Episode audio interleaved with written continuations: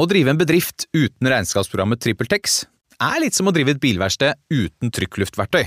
Det funker jo med hjulkryss og fastnøkler også, det er bare mye mer tungvint. Med TrippelTex kan du stole på at du har riktig verktøy til regnskapsjobben. Prøv gratis på TrippelTex.no. Skal du pusse opp eller bygge noe nytt? Ikke kast bort tid på å lete etter håndverkere selv. Gå inn på mittanbud.no og lag en beskrivelse av jobben du ville ha gjort. Så mottar du tilbud fra flere erfarne håndverkere som du kan sammenligne. Med mange tilbud er du sikrere på at du velger riktig bedrift, og at jobben blir skikkelig utført. Mittanbud.no få jobben gjort. Du hører tvillingene Mina og Mille fra Svarttrost. Dette er den femte av seks episoder, og det er Kari Hesthamar som forteller.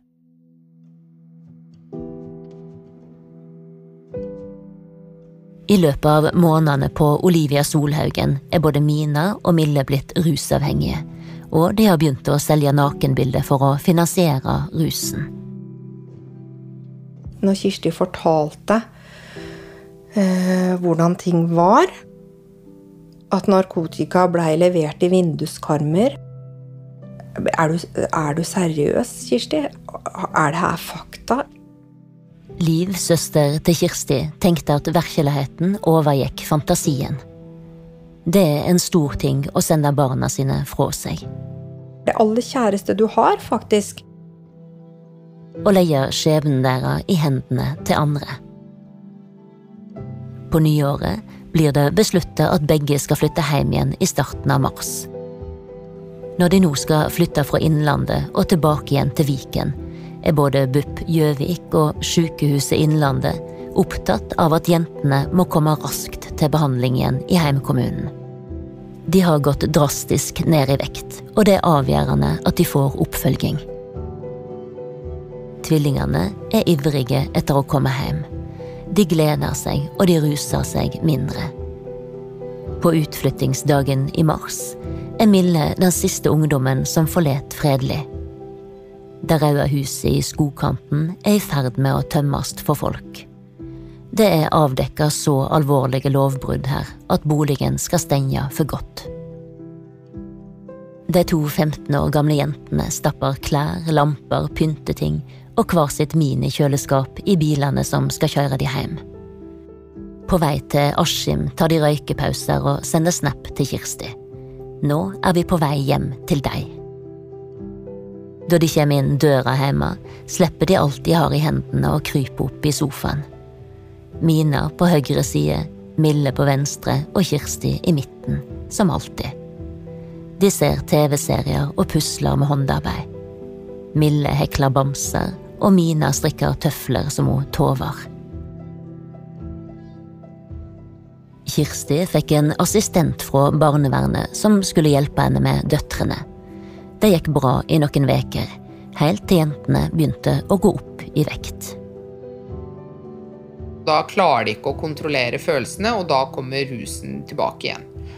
Så det er klart, når du da ruser deg jevnlig, så gjør jo det noe med, med følelsene dine og hvordan du, hvordan du, er. Så det er klart, da blir det Det blir knuste frontruter, telefoner begge mellom knuste vifter Nei, altså, det var Nei, det var helt uh, Innimellom så tenker jeg faktisk Jeg lurer på åssen jeg overlevde oppi alt det der. Altså, hadde man hatt et uh, uh, flere døgn, og jeg hadde sittet og fortalt alt, så tror jeg Jeg tror jeg ikke jeg hadde turt å fortelle folk alt. Alle overganger og flyttinger er vanskelige for tvillingene. Så jeg tror de har bare hoppa rett i å begynne å kjøpe amfetamin. Nora, som hadde fått ja fra Mille mens nyttårsrakettene gikk til værs, som hadde lært å bake bananbrød og hatt latterkramper med Mille, så nå at rusen tok mer og mer plass. Og jeg tror nesten hver gang jeg møtte de, så skulle de kjøpe mer og mer, fordi at da visste Kirsti at Mille var med meg, ikke sant. Jeg ruser meg ikke. Eh, så det var liksom bra cover-up-plan, ikke sant. Jeg syns det var veldig ukomfortabelt å være med de og kjøpe det, eh, for jeg hadde jo ikke lyst til å være med på det. Hun var helt av stressa med å få tak i rus. Det var flere ganger jeg spurte henne er du rusa nå, og da sa hun nei. Eh, men seinere fikk jeg vite at hun var rusa. Kirsti har fått en assistent fra barnevernet som skal hjelpe henne med Mina og Mille, men de går ikke til behandling. Selv om jentene har flytta tilbake til Askim, starter ikke BUP Askim opp med samtaler. De ser tvert imot at de ikke har opplysninger som tilsier at det er behov for en ekstraordinær behandlingsfrist, altså å få jentene kjapt inn i systemet. Dermed holder tvillingene fram med samtaler på video med psykologene fra BUP på Gjøvik. 7. mars 2022 Mille hos psykolog. Jeg har fått en del SMS av henne i det siste, hvor hun skriver at hun har begynt å selvskade igjen. At hun strever med tilbakevendende minner om han som forsøkte å forgripe seg på henne. Avtaler at hun kan sende meg flere SMS, da hun syns det er lettere å skrive noe om hvordan hun har det, enn å snakke om det. 21. mars 2022 Mille hos psykolog. Vi snakker om de tingene hun har sendt meg via SMS den siste uka. Hun skriver blant annet til meg at hun stadig opplever flashbacks fra hendelsen der en gutt forsøkte å voldta henne. Sier hun blir redd og skjelver. Det kan høres ut som det er grunnlag for at ny BUP kartlegger noe nærmere med tanke på en eventuell PTSD-diagnose. Undertegnede tenker etter flere samtaler med Mille at det er bekymringsfullt lite oppfølging somatisk etter hjemflytting. 24. mars Mina hos psykolog. Sier hun sover veldig lite. Blir veldig ute av seg dersom hun er den eneste i huset som er våken. Kan også våkne og være helt svett og ha klump i magen utforsker utrygghet i forhold til om gutten som krenket henne, kan finne henne. Siden hun bor i andre etasje, er det mer usannsynlig. Mina sier hun egentlig tror gutten ikke ville kjenne henne igjen nå, siden hun er blitt tynnere enn hun var tidligere. Jentene rømmer nå stadig til Oslo for å ruse seg, og overdosene kommer tett.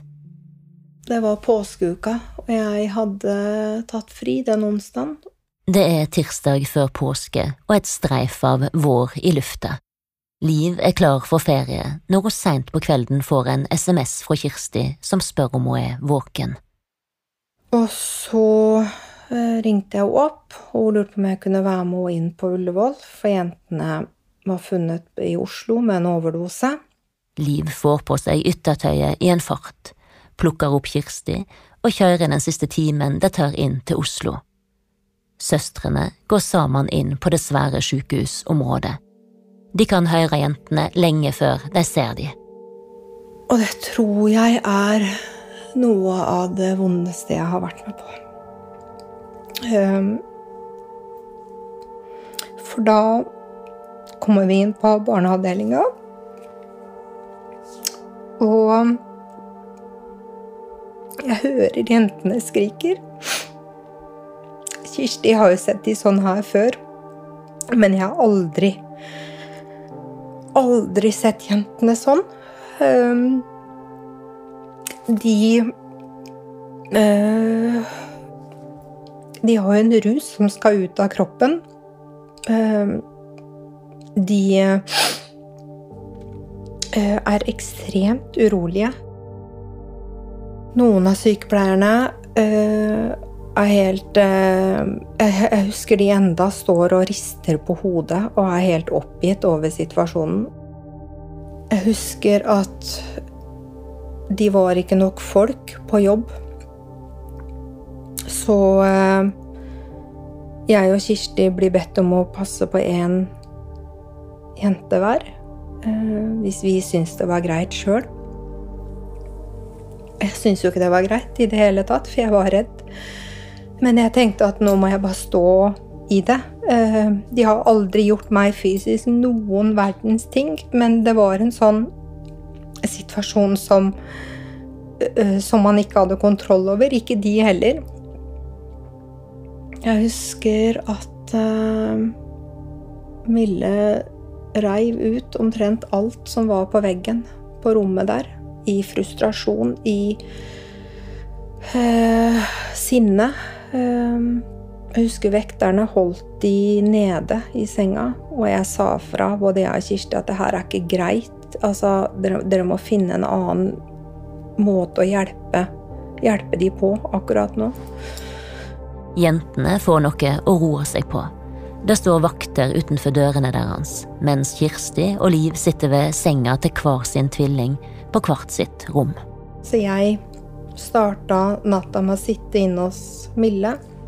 Hver gang Mille rørte på seg, skvatt Liv til. Eh, og så våkner hun og ser at jeg er der, og får beskjed om å bare gå ut. Kan du gå ut? sier hun flere ganger. Neste morgen ringer Liv legen på ungdomspsykiatrisk på sykehuset i Østfold og sier at hun er bekymra både for Kirsti og jentene.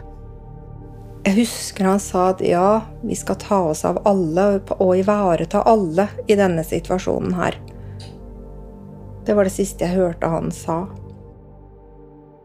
Tvillingene blir så frakta til Kalnes, sykehus i Østfold, i hver sin politibil. Og jeg husker at han ene politimannen som kom, han uh, kjente jeg igjen fra der jeg vokste opp. Og det var kanskje det beste med hele den den kvelden. Jeg husker han var med i ambulansen med Mille. Og da visste jeg at hun var trygg den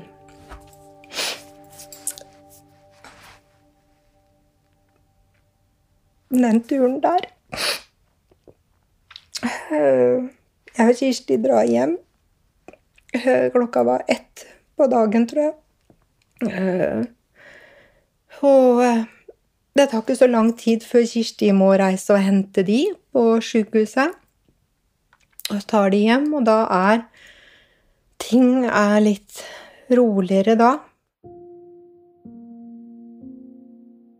Det er under ett døgn siden jentene lå på barneavdelinga på Ullevål med vakter utenfor døra.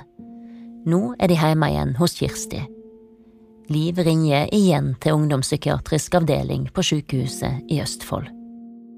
Jeg ringer flere ganger, og det siste jeg sier, er at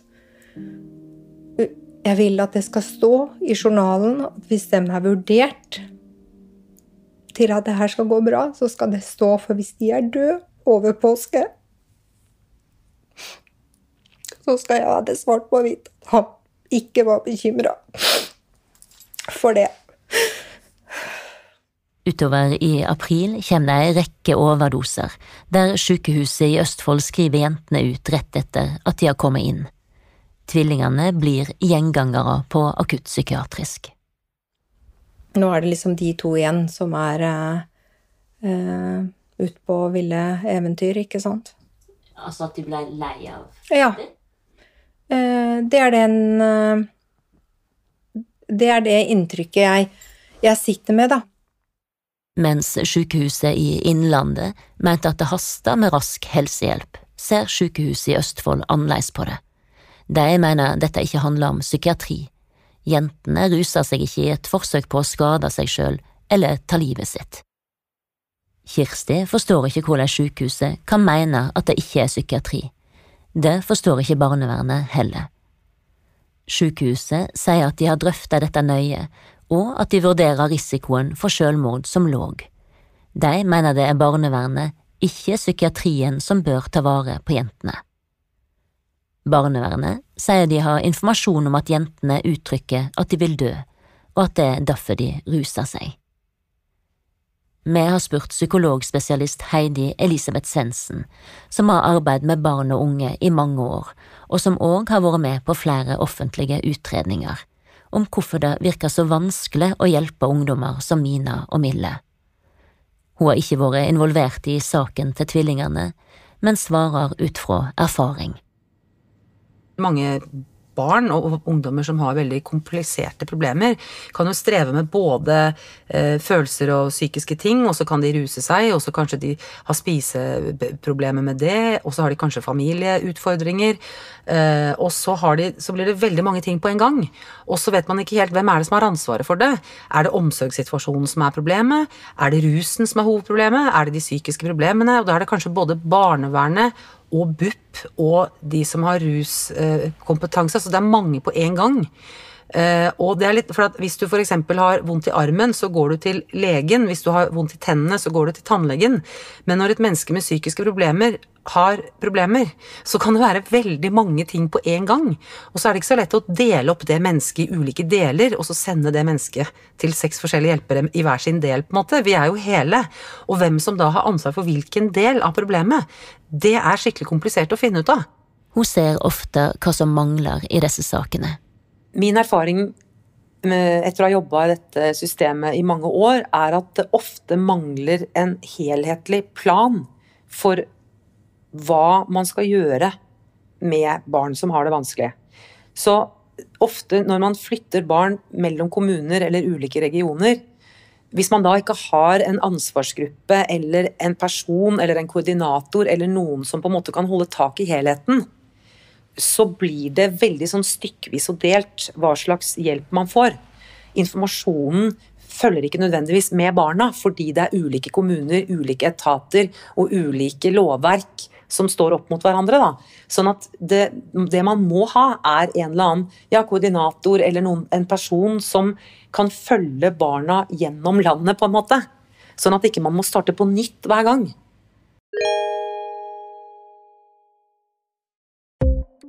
Ukens annonsør er Nextory.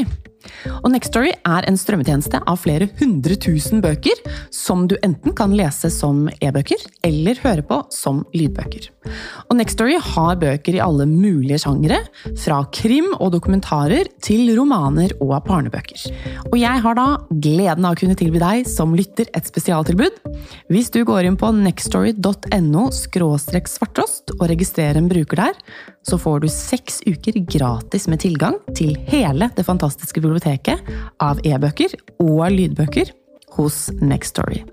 Og en liten personlig anbefaling fra meg er bøkene til Ken Follett, som ligger her. Og han har jo da skrevet både spenningsbøker og historiske romaner, men det er spesielt hans århundretriologi som er favoritten. Og i disse tre bøkene, som er da Kjempenes fall, Vinter over verden og På grensen til evigheten, så følger vi da skjebnen til fem forskjellige familier fra fem forskjellige land, og deres opplevelser under første verdenskrig, andre verdenskrig og den kalde krigen. Og da på tross av at disse personene er fiktive, så er den historiske bakgrunnen veldig nøye undersøkt av forfatteren, sånn at du føler virkelig at du opplever historien fra innsiden og gjennom da de forskjellige familienes ulike perspektiver. God lytt og god lesing. Før du hører videre, så vil jeg tipse deg om en annen serie som du finner her i Svarttrost Dukk. Da er retten satt.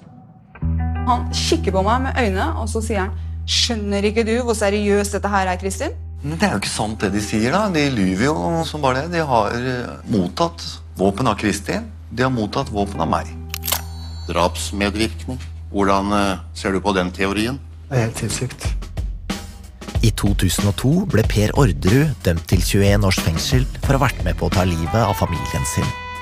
Nå, 21 år seinere, skal gjenopptakelseskommisjonen snart bestemme seg for om saken skal opp igjen. Per Orderud-saken den er åpenbart justisdrap. Og det er ikke holdbart når du skal dømme folk for trippeldrap. Hva har privatetterforsker Tore Sandberg funnet ut? Og hvordan står egentlig bevisene mot Per Orderud seg i dag? Hør Per Orderud, skyldig eller uskyldig, i Svarttrost Dukk. Der er Per. Tilbake til episoden. Mens denne serien blir laga, er det en pågående tilsynssak mot alle institusjonene Mina og Mille var på. Hele hjelpeapparatet rundt tvillingene skal undersøkes, også BUP og sykehuset. ettersom statsforvalteren i Oslo og Viken òg skal granskes, er tilsynet som skal undersøke om hjelperne svikter, flytter til Vestland fylke. Våren 2022 renner det inn med bekymringsmeldinger rundt jentene, uten at det virker som om det fører til handling. Mina og Mille blir nå plassert på akuttinstitusjoner igjen. Begge prøver å ta livet sitt første dagen. BUP Askim er ennå ikke i gang med hjelp. 29. april, barnevernstjenestens logg. Far ringer. Veldig oppgitt over at BUP ennå ikke har satt i gang polikliniske timer med jentene. Far skjønner ikke hvorfor ikke BUP prioriterer å iverksette den polikliniske behandlingen jentene har krav på. Undertegnede vil forsøke å purre på BUP. Far har ikke fått beskjed om møte med BUP og UPS neste uke. Barnevernstjenesten har heller ikke fått innkalling. Mandagen etter, den 9. mai, har Mille sin første samtale med psykolog hos BUP Askim ca. to måneder etter at de flytta hjem. Formålet med den første samtalen er å bli kjent. Mille sier hun synes det er vanskelig å åpne seg fordi hun har negative erfaringer med det. Ifølge journalen framstår hun reservert og svarer mest vet ikke. 14 år gamle Nora kjente ikke kjæresten igjen. Den Mille hun ble kjæreste med på nyttårsaften, og den Mille som ruser seg, er to helt forskjellige personer. Det, jeg vet ikke hvordan jeg skal forklare det engang. Det var så vanskelig å på en måte være så nærme Mille og Mina.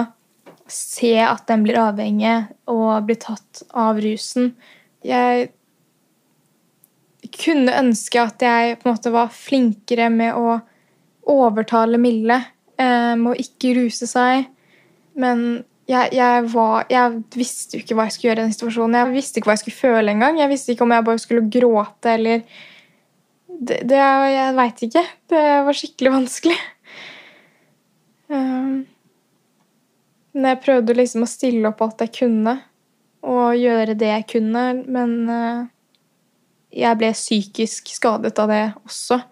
Um, og jeg holdt på liksom miste meg selv helt. Jeg klarte ikke å sove om nettene. Jeg var konstant stressa, jeg gråt hele tiden. Nora orker til slutt ikke mer. Mens Mille er lagt inn på enda en akuttinstitusjon, drar hun på besøk for å gi en beskjed hun har tenkt på lenge. Da besøkte jeg jo henne, og hun var ikke seg selv i det hele tatt. Det var liksom ikke den Mille jeg kjente. Det var jo koselig å se hun. Hun drev og hekla bamser og liksom gjorde det hun likte, men det var fremdeles ikke det samme. Det var som ja, det var Mille, men det var samtidig ikke Mille.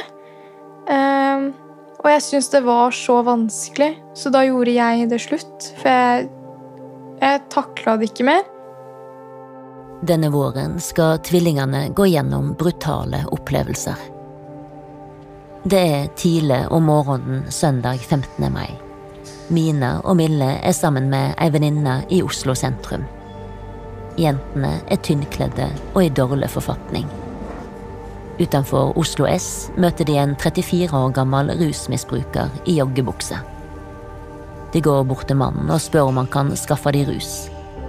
Det kan han. Han finner fram nåler og narkotika og setter ei sprøyte amfetamin i halsen på Mina og Mille. Mille får òg et skudd heroin i halsen.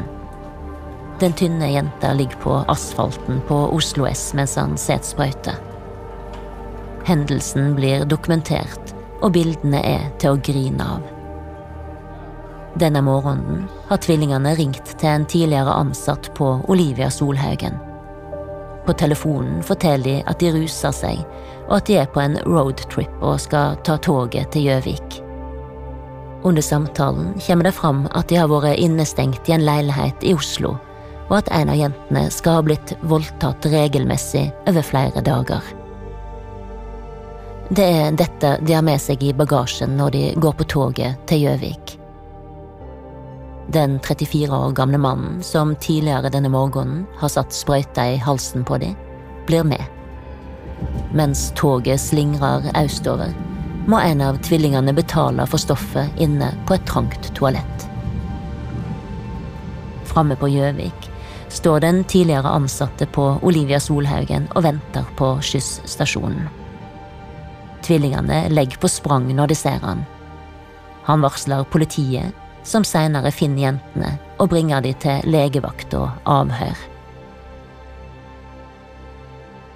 I etterkant av denne hendelsen står det i et journalnotat fra sykehuset i Innlandet at mor Kirsti uttrykker stor frustrasjon over at det ikke blir organisert et langtidsopphold i psykiatrien, og at hun håper sitat, vi slipper å se forsiden av avisene med at døtrene hennes har tapt kampen. 34-åringen på toget ble høsten 2023, flere måneder etter at jentene døde, dømt for seksuell omgang med barn mellom 14 og 16 år, og for å utnytte mindreårige i en særlig sårbar livssituasjon. Overgreper som skal ha skjedd i forkant av dette, skal opp for retten. Jentene hadde mareritt og traumer om dette så lenge de levde. En av de vi har snakka med i arbeidet med denne serien, er sjøl pappa til ei jente som har mange av de samme utfordringene som Mina og Mille hadde, og som var venninne med tvillingene. Blide og fornøyd, smiler og lo. Ja, var som ungdom flest, egentlig. Det var ikke noe greie med de jentene her på noe som helst måte. Det var ikke noe som ikke noe som skulle tilsi at, det skulle, at dette her skulle liksom skje. På noe som helst måte. Ikke med noen av de tre jentene. Ingen av dem. Eh, det var jo først seinere det blei veldig mye uh, alt mulig annet. Salmax, heroin, amfetamin, syre, ecstasy. Hasj.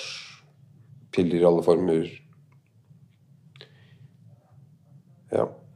Datter hans og tvillingene oppsøkte ofte rusmiljøet i Oslo sammen. Han har ikke tall på hvor mange ganger han har vært ute og leite, eller fått telefon om at dattera er funnet. Jeg veit jo hva som skjer. Det er inn til Oslo, ruse seg, overgrep, selger seg for å få penger. Uh, ja, nei.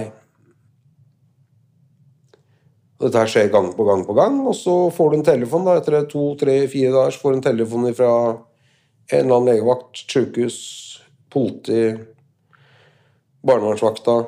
Ja, må vi finne dattera di i denne parken, denne hjørnet. Vi har kjørt opp på politihuset og er der. Én gang, to, ti, tjue Og det blir to ganger i uka, tre ganger i uka. Det gjør noe med det. Hva gjør du? Får ikke gjort noe som helst. Ingenting. Du kan være sint, du kan gråte, du kan være fortvila, du kan uh, Hjelper ikke. Uh, ungen din kan ligge for døden på bakken, du får 26 timer på barne- og ungdomspsykiatrien, så er du ute døren igjen. Han tar opp mobilen sin og åpner bildebiblioteket. Dattera har delt bilde- og meldingsutvekslinger som han har lagra. Jeg har et bilde av, av en fyr som setter herrehøysbretta i halsen på Mille. Jeg har eh, videoopptak fra både Mille og Mina. At de er på en så tøff tripp inne på institusjonen så de klarer jo ikke nesten å prate engang. Jeg har masse, masse videoopptak av det. Vi veit at jentene fikk tak i rus på institusjonene de var på, og at det var lett å skaffe i Oslo. Du har jo egne kiosker, øh, gatekjøkken osv. som er fast. Som, der kan du kjøpe det som du kjøper smågodt. sånn da. Masse masse rundt omkring i Oslo, masse adresser rundt omkring i Oslo som jeg veit om selv. Jeg har gitt beskjed til politiet om alt. Vi ser om jeg finner det bildet. Hva er det jeg drev med? Her har vi jo øh, han ene som har forgrepa seg på jentungen. Er det bildet? Hvem er det som har tatt det, og hva er Ja, vi fant på sosiale medier. da. Vi fikk navnet på han. Så han har jo sittet inne for overgrep en gang før. To år. Også ting jeg leverte både barnevern og politi. og uh, hva han har skrevet til jentene, og hvorfor han sitter og vippsa dattera mi så mye penger. Dette er en mann i Han er uh, 33. Han her er 48. Han på 48 der, han har vel en normal jobb og er vel en helt vanlig, vanlig fyr sånn i utgangspunktet. Det er feil å si, han er ikke en vanlig fyr. Han er jo en skikkelig møkkamann, for å si det sånn. Men dealer han dop? Nei, nei, han eh, misbruker jentene. Og bytter eh, dop mot seksuelle tjenester. Har jo masse, masse eh, meldinger fram og tilbake, jentungen. da.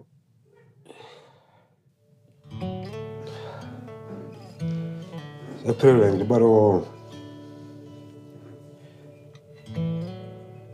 ta vare på alle de dagene jeg kan om henne, rett og slett. Før vi går, blar han fram et bilde av dattera som liten, i prinsessekjole. Ikke som dette her skulle bli, gitt.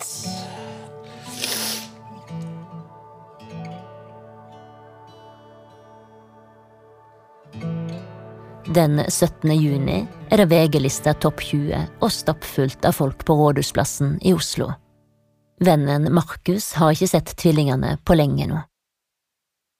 Det er norsk sommer med sol og regn om hverandre. På scenen står Alan Walker, Kamelen, Emma Steinbakken. Markus møter Mina og Mille i Slottsparken, et par steinkast unna, mens musikken dundrer ut i bakgrunnen. Og så står vi bare og snakker, og så er ja, De var veldig borte, men de skjønte liksom hvor de var og sånn. Og så skulle vi gå, fordi vi måtte rekke å stelle oss i kø og sånn, og da ga jeg først Mina en klem, og da løfta jeg henne opp. Og så tror jeg jeg snurra rundt en gang, og så slapp jeg henne, og så gjorde jeg det samme milde. Og jeg pleide ikke å gjøre det, for jeg visste at de hata å bli båret, men så gjorde jeg det uansett. Og så visste jeg ikke hvorfor. Men så etter det så møtte jeg dem ikke. Denne kvelden i Slottsparken, da Markus snurra tvillingene rundt i en klem, var siste gang han så dem. I august, ei veke før tvillingene fyller 16, takker Mina og Mille ja til plass på en rusbehandlingsinstitusjon i Indre Østfold. Det skal bli den tolvte plasseringa deres på under to år. Og den siste. Det er ikke ofte at Fossum-kollektivet henvender seg til politiet for å be om sporing av telefoner. Det gjør vi sjelden. Men i denne saken, eh, denne situasjonen med jentene, så er vi ikke i tvil.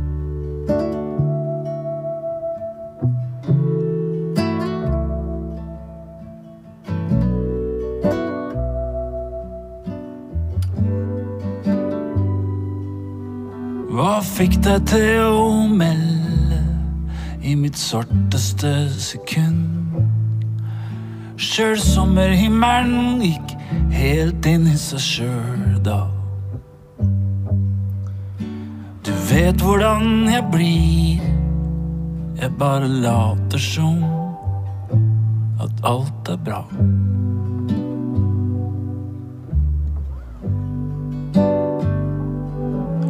Som om jeg ikke klarer puste. Jeg får ikke huet over vann. Verken Sykehuset Innlandet, Oslo universitetssykehus eller barnevernet i Indre Østfold ønsker å kommentere innholdet i denne episoden. Det ønsker heller ikke Sykehuset Østfold, fordi tilsynssaken om behandlinga av Mina og Mille fortsatt er under behandling hos Statsforvalteren i Vestland når denne episoden blir publisert. Daglig leder Anita Løre i Solhaugen, som blant annet drifta institusjonene Storetjern og Fredelig, hun sier at hun har stor medfølelse med de foresatte i deres sorg, og forståelse for deres fortvilelse og frustrasjon over at et samla hjelpeapparat over flere år ikke har fungert.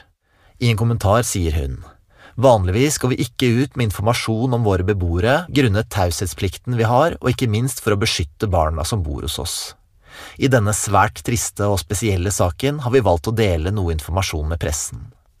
Jentene bodde hos oss i underkant av ett år. De fikk god oppfølging gjennom behandlingsplaner utarbeida for dem. Det ble også kobla på et team med spesialkompetanse som kom fysisk til boligen hvor jentene bodde. Dette ga gode resultater, særlig de siste månedene de var hos oss. Du har hørt femte episode av Tvillingene Mina og Mille. Hvis du vil høre flere episoder av denne serien nå, så kan du bli abonnent på Svartsåsdukk. Det gjør du ved å trykke på abonner-knappen i podkastspilleren til Apple, eller hvis du hører gjennom Spotify eller andre plattformer, så kan du følge lenka i episodebeskrivelsen. Serien er laga av Kari Hesthamar, Ellen Wisløff, Thomas Alkjær og Malin Instanes. Klipp er ved Nils Jakob Langvik. Marte Solbakken leste journalene. En stor takk til Mina Milles familie og venner og andre som har stilt opp i denne serien. Takk også til Asbjørn Øyhovden for hjelp i oppstarten. Hvis du har behov for noen å snakke med etter å ha hørt denne episoden, så kan du ringe Mental Helse sin hjelpetelefon på 116 123. Det er gratis og åpent hele døgnet. Sluttlåta Ikke slipp er laga av Trygve Skau, som Kirsti og tvillingene ofte hørte på sammen. Så bare hold deg nær meg nå, og for guds skyld ikke slipp. Ikke lag noe drama, please ingen panikk. For du fant meg her på alle mørke dagers mor. Men det er over i morgen, i hvert fall la meg få tro. at Det er over i morgen. Damer og herrer. Det her er min angst.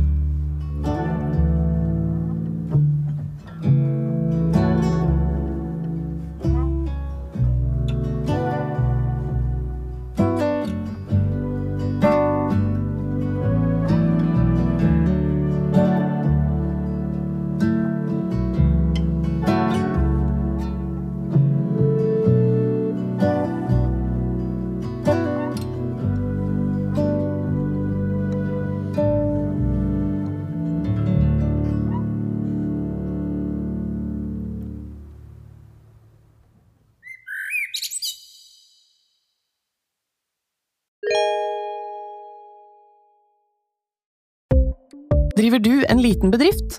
Da tenker du sikkert at dette er en reklame for fiken. Men det er det ikke, for vi er Folio. Folio er en banktjeneste for bedrifter, og vi er fikenbrukerne sin absolutte favoritt. Med Folio får du nemlig en superenkel nettbank og kjappere regnskap.